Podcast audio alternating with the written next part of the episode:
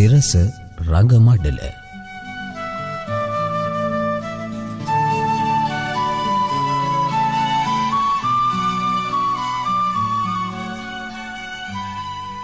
රහස් පරීක්ෂක කතා අතර අමරණීය චරිතයක් වන ශර්ලොක් හෝම්ස් කතා ඇසුරින්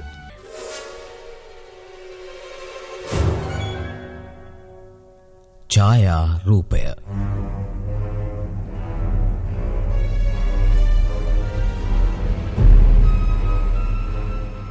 ද ස්කැන්ඩලින් බොහිමියා නම් ශර්ලකෝම්ස් කෘතිය ඇසුරින් රංජිත් අමරසේකර නිර්මාණය කරන ඡායාරූපය.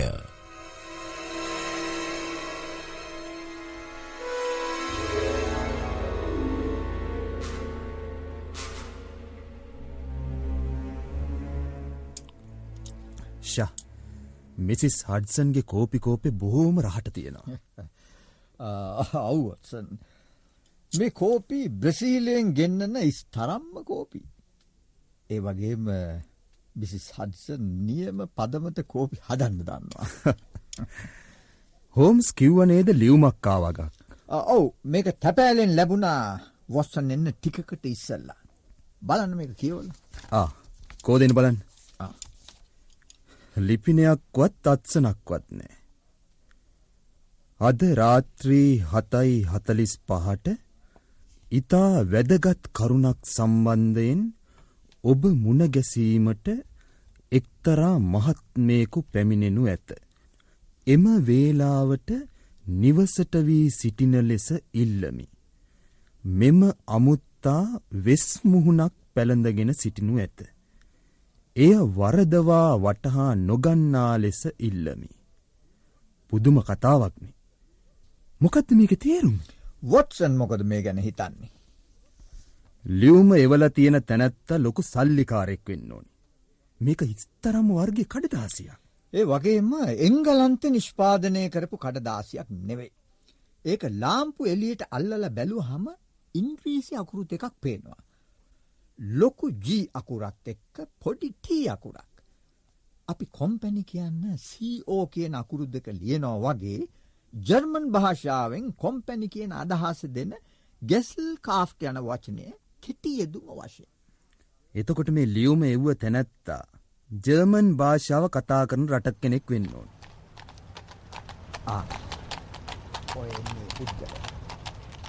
මොකක්ද ජනිලින් බැලි. අස්ස කරත් ඉතිහ. බොහෝම වටින එකක්. මිනිහ සල්ලිකාරයෙක් වගට කිසිම සැකයක් නෑ. එන්ඩ ඇතුළට. බොහෝම උස මහත කෙනෙක්. ඒ වගේම ජැන්ඩියට ඇඳලා ඉන්නවා.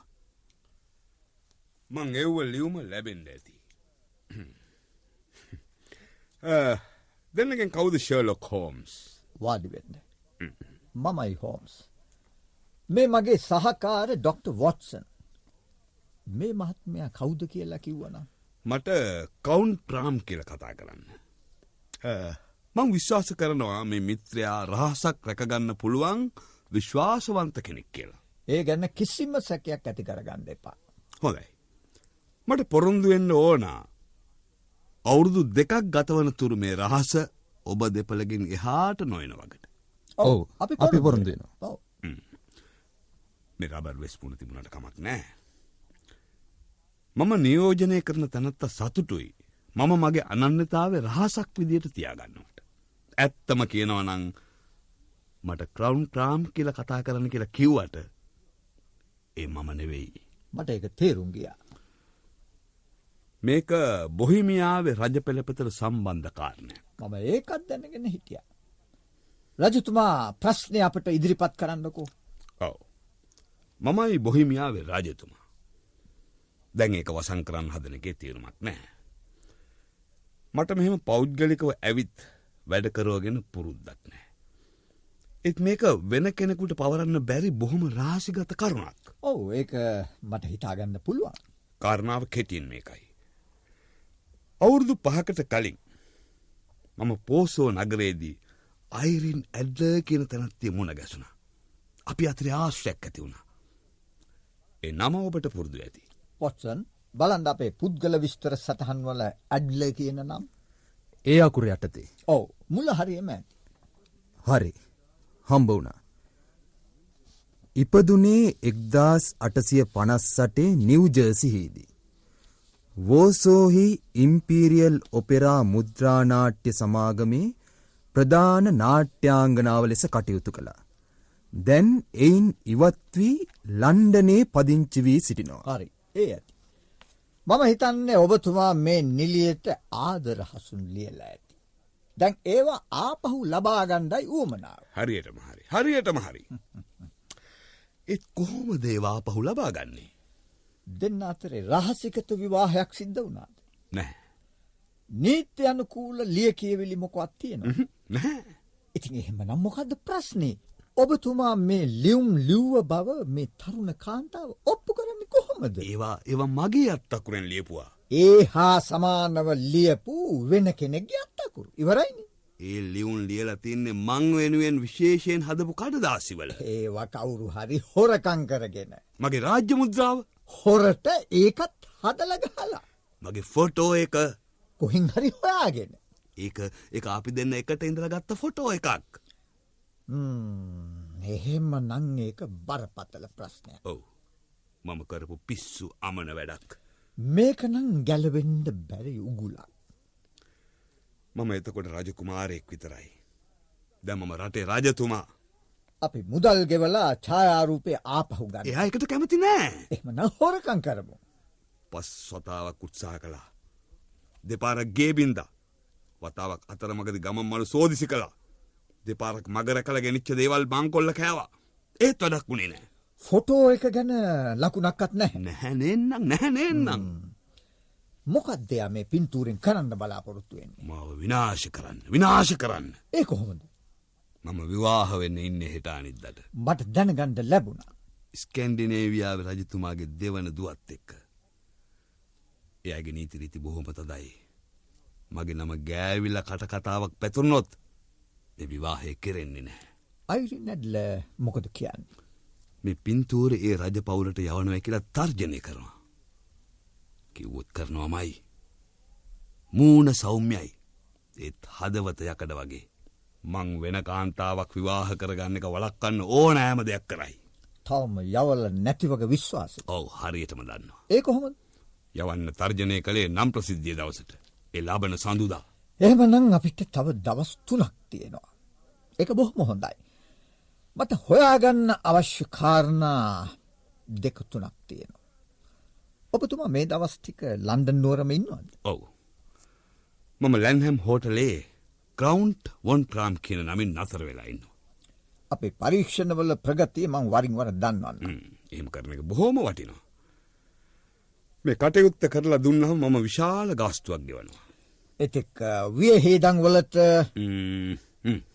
මෙතන පවුන් දාහත් තියෙනවා. හොඳයි.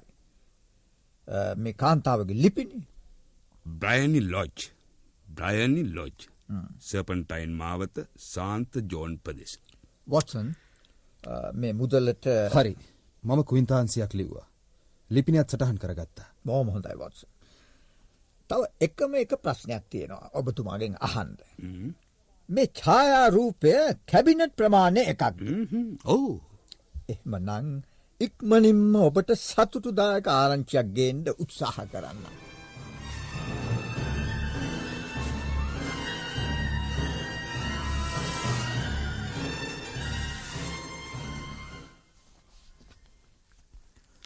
මොකද හෝම්ස් තවමත් නැත්තේ.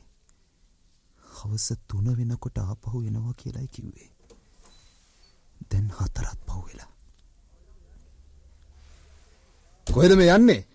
කාගේ අවසරයක් පිටද?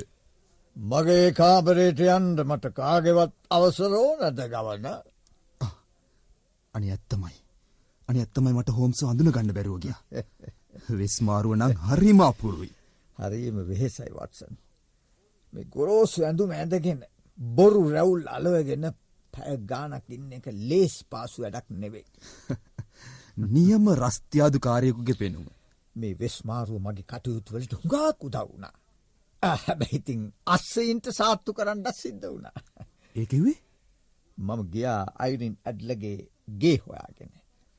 ඒ එක්කම තියෙන්නේ අස්ස කරත්ත කුලියට දෙන තැන. මං එතන හිටපු අස්ස කරත්ත කාරෙක් එක්ක කතාවට වැටුණා. අද අස්සයින්ට නිවාඩු දීලා වගේ. අස්සයින්ටයි කරත්තවලටයි නිවාඩු දුන්න. ඒත් අපට නිවාඩු නෑ. අපි උන්ට සාත්තු සප්පායන් කරන්ට එපාය බැලුවහම අපි උන්ටත් අන්ත. ඒ කතාවනං ඇත්ත. දුක්පත් මිනිහා සිව්පාවටත් වැඩිය අන්තයි.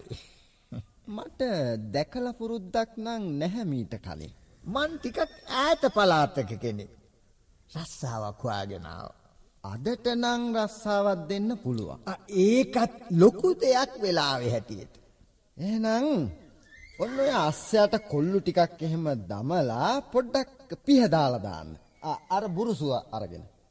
පයිංගහයිද නෑ බොහෝම හීල සතා. මෙන්න මේ අල්ලපු ගෙතර උදවියට නම් කාසිබාගේ හිඟ නැතුව ඇති නේද. දන්නවද ඔය ගෙදරඉන්නේ කවුද කියලා. මං ඉති මේ පලාතෙ උදවී අඳුනන්නේ නැහැන්. ඔව් ඒක හරි. ඔය ගෙදර ඉන්නේ අර බොහොම ප්‍රසිද්ධ නාටිකාංගනාව අයිරින් නැඩ්ලර් කියන මං අහලතින ඔය තැනැත්ති ගැන. බොහොම ලස්සන කෙනෙක්ලු නේද. ඉටි රූපයක් වාගේ. ඒ වගේමයි ගුණ යහපත්කම. ඒ දෙක එකට පිහිටන්නේ කලාතුර ඒක හැබෑව. ආ, අර අර එලියට කිව්වත් වගේ බොහොම ලස්සනයි නේන්නම්. මේ කවුදේ පෝටිකෝ යට ඉන්න පිරිමියෙක් කෙනා එයා තමයි ඔය ගෙදරට එන එකම අමුත්තා. ගොඩ්ෆ්‍රි නෝටන් නීතිඥ මහත්තයා. අස්සය දැඟලිල්ලක් නෑ පිහදානකොට සනීපත ඉන්නවා. මොකත් එතකොට මේ නීතිඥයාගේ අයිරින් ඇඩ්ලගෙයි තියෙන සම්බන්ධය. ඇගේ නීති උපදේශකයද නිකම්ම මිත්‍රේත්ද. ඒත් නැත්තම් පෙම්බතාද. නීති උපදේශකයන් නම් නිච්චේතම ෆොටෝ එක ඇත්තේ එයාළඟ. මොකද කතා නැත්තේ. නෑ මේ වැඩේ කරලා ඉන්න එපාය. අන්න අන්න දෙන්නම අර පාරයිනේ නවත්තලා තිබුණ අස්ස කරත්තට නැග්ගා. බැහැට මොකදේ කවුද දන්නේ? මොකද තමුසි කලබල වුණේ. අපටම කෝ කොහේ ගියත් තමුසි බාරගත්ත වැඩේ කරනවා. නෑ නෑ මම එන්නම් ගිහිල්ලා. කොහේ යන්නද? ඒක පුදුම කතාවක් නේ. මට මේ පොඩි හදිසියක් මේ කතා කර කර ඉන්න වෙලාවක් නෑ. මම යනවා.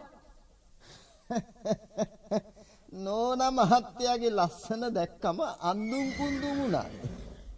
කොහෙද යන පිස්සෙක්? ඉතින් ඊට පස්ස මොකද වුණේ. මමත් අස්ස කරත්තයක් නවත්තගෙන පස්සෙන් ගියා. දෙන්න කෙලින්ම ගියේ සාන්ත මොනිකා දේවස්ථානෙට. ඒමොකොටද. දෙන්න දේවස්ථානෙන් පිට වුණේ අඹු සැමියෝ විදියට. මේ අපි කොහොමටවත් බලාපොරොත්තු නූන දෙයක්න. දැන් ඉති මොකද කරන්න. මේ හදිසි විවාහෙන් මගේ වැඩ පිළිවෙල සේරම අවුල්ලුනා. අලු ජෝඩුව ඉක්මනින්ම කොහට හරි යන්ඩ ඉඩ තියෙනවා. ඊට කලින් සැලැස්ම ක්‍රියාත්මක කරන්න ඕනෑ. ඒත් මේ නීතිඥා විවාහ වුණාට දේවස්ථානෙන් පිට වෙලා දෙන්න දෙබැත්තට ගියා. අයිරින් ඇඩ්ල මම හවස පහට පුරුදු විදියට මල්වත්තට එන්නම් කියන ටික ඉතරක් කියනොමට ඊට පස්සේ ඊට පස්සෙම මගේ වැඩ පිළිවෙල සංවිධානය කල්ලා කෙලීම මෙහාතාව. හවසට තමයි ලොකු වැඩ කොටස තියෙන්නේ.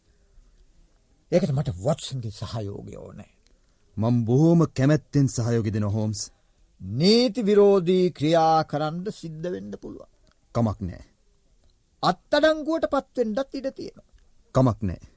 අසාධාරණ හේතුවක් වෙනුවෙන් නෙමේනි නෑ කොහෙත්ම නෑ. තැන් වෙලාව පහට කිට්වි වොටසන්. තව පෑ දෙකකින් අපි අපේ රඟ මඩල ඉන්න ඕනෑ. මිස් අයිරින් මිස් නෙමෙයි දැම් මිසිස්. අයිරින් ඇඩ්ල ආපහුවේ ගෙදරට එන්නේ හතට විතර. අපි ඇව පිළිගන්න එතන ඉන්න ඕනෑ. ඒ කියන්න හෝම්ස් මෙච්චරයි මට කියන්න තියෙන්නේ. එතන මොනුව සිද්ධ වනත් වොත්සන් කිසි ගානක් නැතු ඉන්න ඕනෑ. කලබල නොවී. හරිද. හරි කිසිම්ම දේකට හවුල් වෙන්නේ නෑ. හොඳයි අන්තිමේ කවුරු හරි කොහොම හරි මාව අයිරින් ඇඩ්ලගේ ගේ ඇතුළට ගෙනියා. ඊට මිනිත්තු පහකට විතර පස්සේ පොඩි ජනේලයක් ඇරෙයි. වොටසන් ඒ ඇරෙන්න ජනේලෙ කිට්ටුවට වෙලා ඉන්දෝන. තේරුණා. තේරුණා මංඉන්නේ වොටසන්ට පේන තැනක. මාදිහැ බලාගෙන මින්දෝන. හොඳයි මම අතක් උස්සනකොටම මන් දෙන එක ගේ ඇතුළට වීසි කරල ගින්න ගින්නක් කියල කෑගහන්ඩ ඕන. පැහැදිලිද? පැහැදිලි මෙන්න මේක. මේක කිසිම හානිකර දෙයක් නෙවේ පුංචි දුම්බෝම්බයක් වොටසන්ට කරන්න තියෙන්නේ එච්චරයි. ගින්න ගින්නක් කියල වොටසන් කෑගහනකොටම තවත් අය ඒකට එකතුවෙයි ඊට පස්සේ හෙමින් පාර එහා කොනට ඇවිදගෙන යන්න. මම මිනිත්තු දහයකින් වොටසන්ට එකතුවෙන්න. හොඳයි හෝම්ස් එහෙම නං මම මගේ අලුත් චරිත රඟපාන්න හැඩ වැඩ වෙන්න.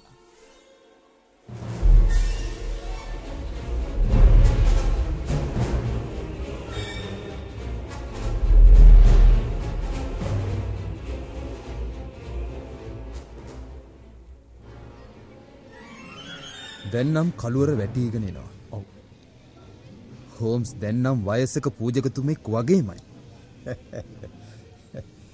පලාත පාලුනාට මේ කිට්ටුව සෙනග හරියට ගැවසෙනවානි කතුරු මුවත් තියෙන මිනිස්සු හිංගන්නු මුරකාරයෝ ඔවු හුඟාකින්නවා එකක් වොටසන් මේ කසාද හින්ද අපේ වැඩකටයුතු ලේසි වෙනවා.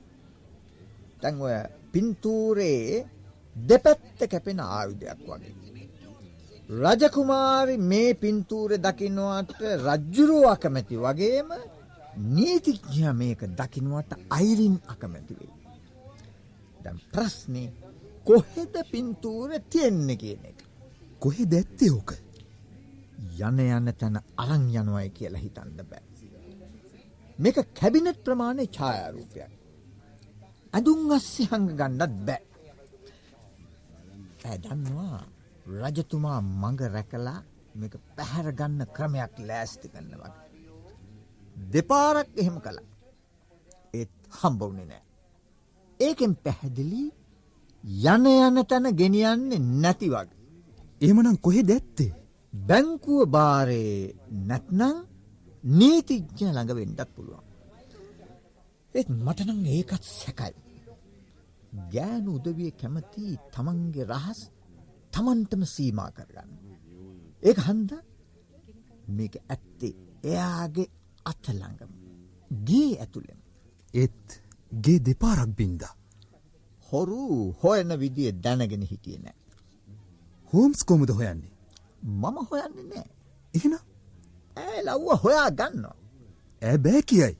බෑ කියන්න බැරිවෙන. ඔන්න ඔයන්නේ ඇගේ අස්ස තරම්. මම කිව්ව විදිහටම වැඩ කරා. අන්න රස්තියාදුකාරෙක් ඉස්සරහට පැන්න. කරප්ති දුරැරල සන්තෝසමක් ගන්න.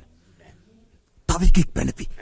ඒ ඒ මමයි මිනිියෝ නොන මහතය කරතේ දුරරින්න ඉස්සෙල්ලමාවේ වෙන්න කොහොමද? වෙන්න කොහොඳ මිනිියෝ අයින අය උඹ උඹයින්යන් තක්කඩියා හොඳ පාඩමකු ගන්නවමට කඩනවා කඩනවා හතර හන්දි. අනේ අනේ. අනේ කලබල් කරන්න එපා.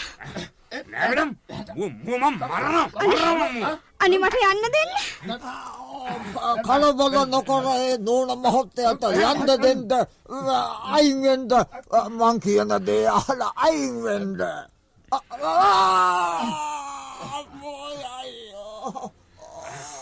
අපේ හරිම දරුණු පාරක් වැදුනේ. මැරෙන් නැති මංහිතන ඇදගෙන වැටුණු විදිහට. මැරෙන්ට සිහිලැති වුණා විත අනේ දෙයිනේ මං හින්ද මේක උනේ. සක්කරි වෙන්න දුවලත් ඉවරයි මොකද කරන්නේ කොහෙද ගියන්නේ ග- ගන්න මගේ ගේ ඇතුළට. මාව බේරගන්න ගිහිනි ෆාදර මේ විපත සිද්ධ ඔව් වුණේ. ඔව් ඒබා අපි දැක්කා ඔහොමසන් ඔහොමසන් මෙහෙන් එන්න. මේ පැත්තෙන්. මගේ සාලේ තියෙන සෝපා උඩින් හාන්සි කරවමු. කොහොම හරි හෝම්ස් කියපු විදිහටම අනුන්ගේ කරපිටින් ඕන කරන ගෙයි සාලේ ඇතුළටම ගියා. මේ වගේ ලස්සන මේ වගේ කරුණාවන්ත කාන්තාවකට විරුද්ධ කුමන්ත්‍රණයකට හවුල් වෙන්වීම ගැන මට ලැජ්ජයි දෙනවා. ඒත් හෝම්ස්ට ද්‍රෝහි වෙන්න බෑනේ. හිමින් හිමින් ගෙට තව ටිකක් කිට්ටු වෙන්න ඕනේ. ඉන්න ඉන්න පාද මම ජනිලි අරින්නම් සාලි එතවට ගෙට හොඳට හුලන් ඒවි හරි හෝම්ස් කිව්ව විදියට අතක් කිස්සවා. ඒක තමයි සංඥාව. දැන් දුම්බෝම්බි වීසි කරලා කෑගන්න ඕනේ. හරි. ගින්නක්! ගින්න! අයියෝ! දීනි ගින්නක්! අපේ දීනි මණ්ඩේ මොකද කරන්නේ? ගින්නක් නැහැ! කලවල වෙන්න එපා කාගේද බොරුවක්! දැන් ඉතින් හිමින්ම පාරෙ එහා කොනට යාගන්න එකයි මට තියෙන්නේ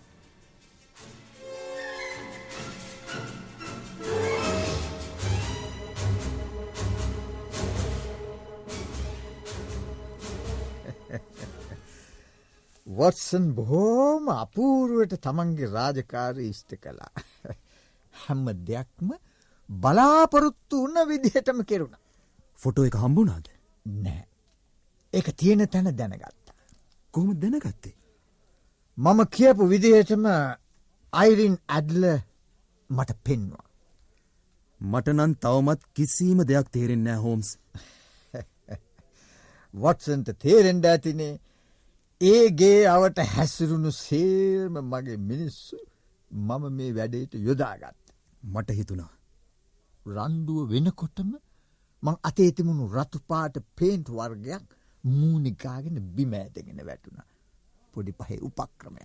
ඒකත් මම දැනගත්තා මාව ගේ ඇතුළට නොගෙන බැරි තැනට කටයුතු යෙදුණ. වෙන මොකොද කරන්නේ තුවාල වෙලා සිහි නැතිවෙච්ච මිනිහෙකුට පාරඉන්න අරින්නේ. මාව හාන්සි කරවලා තිබ්බේ සාලේ ඇතුළේ නිදනකාමරී ළඟ කවිච්චියේ. මම හුස්ම ගන්න අමාරුවග අඟවනකොට ජනීලෙ අරින්ද සිද්ධ වුණා. වොත්සන්ට දුම්බෝම්බගේ ඇතුළට වීසි කරන්න අවස්ථාවාව. ඉති මොකක්දේකින් අත්වෙච්ච වාසිය එක බොහෝම වැදගත්. තමන්ගේ ගේ ගිනිගත්තවග දැනගත්ත හැටියේ ගෑනු කෙනෙක් දුවල යන්නේ තමන්ගේ වටිනාම වස්තුව තියෙන තැනට. අම්ම කෙනෙක් නම් දරුවළඟට. අවිවාහක කෙනෙක් නම් රත්තරම් බඩු තියෙන තැනට. මෙතැන්දි මම දැනගත්තා මේ කාන්තාව වැඩියෙන්ම ආරක්ෂා කරන දේ මේ ඡායාරූපය විත්තිය. ගින්නක් කියල කෑගහනුවත් එක්කම ඇය ඡායාරූපය තියෙන තැනට දුවගෙන ගිය. හැබෑනෙන් ඒක තියෙන්නේ තල්ලු කරලා අරින්න ජනෙල් පළුවක් යට හොර ලීස්තරයක් ඇතුළට බස්සල. මම දැක්කා ජනේල එහාට තල්ලු කල්ලා පින්තූරෙ භාගයක් එලියට අදිනවා. මම ගින්නක් නැහැ කියල කියනවත් එක්කම ආපහු දමලා ගෙට ගියා.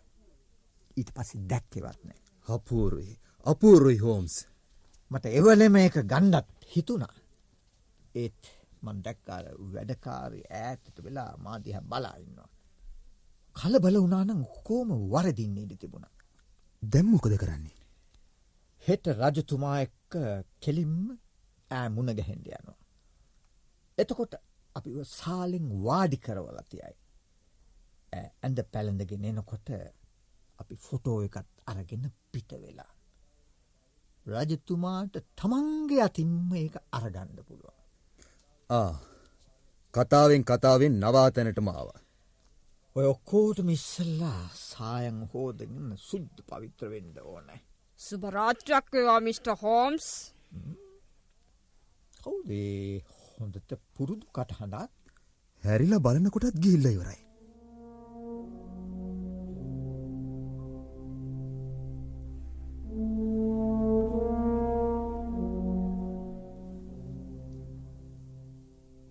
මම පනිවිඩේ ලැබුණ හැටියාව. හොටුව එක අතර ගත්තද. තාම නෑ. බලාපොරොත්තු තියෙනවද. ඔවු සියට සිය.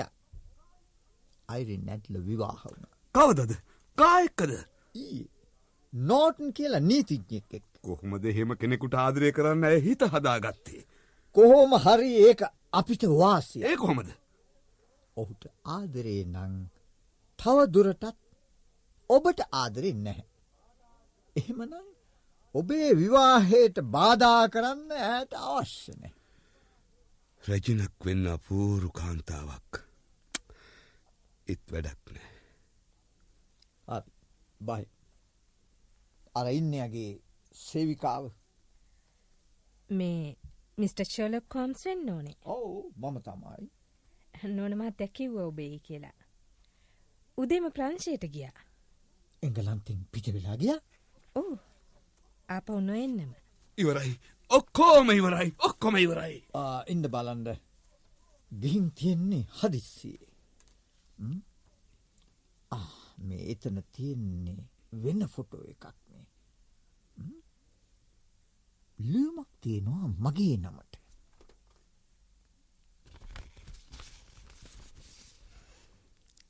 ඔබේ රඟපෑම අපූරුයි.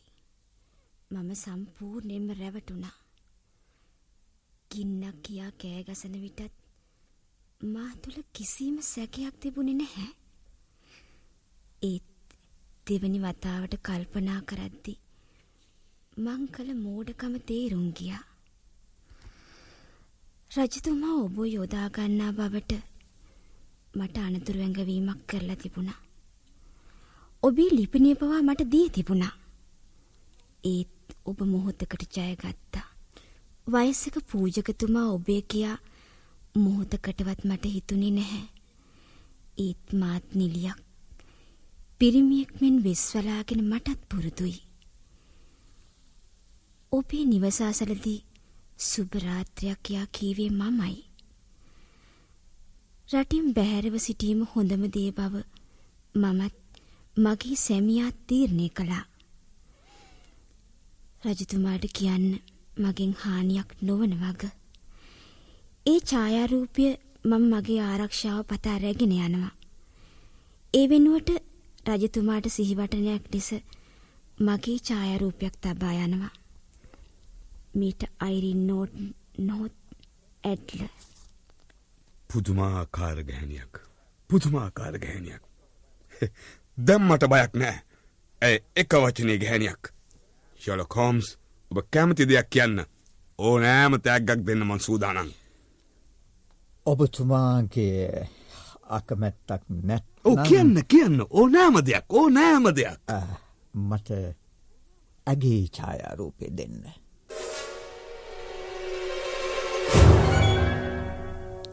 සිරස රංගමණ්ඩල අද හැඩගෙන් වූ නාලිලි පියසිරි ජයලත් හිලේරියන් පෙරේරා රංජිත් අමරසේකර ලෙස්ලි රාමනායක ශ්‍රීමත් ඉන්ද්‍රජිත් ලියනගේ සමග Karunaratne Amarasinghe.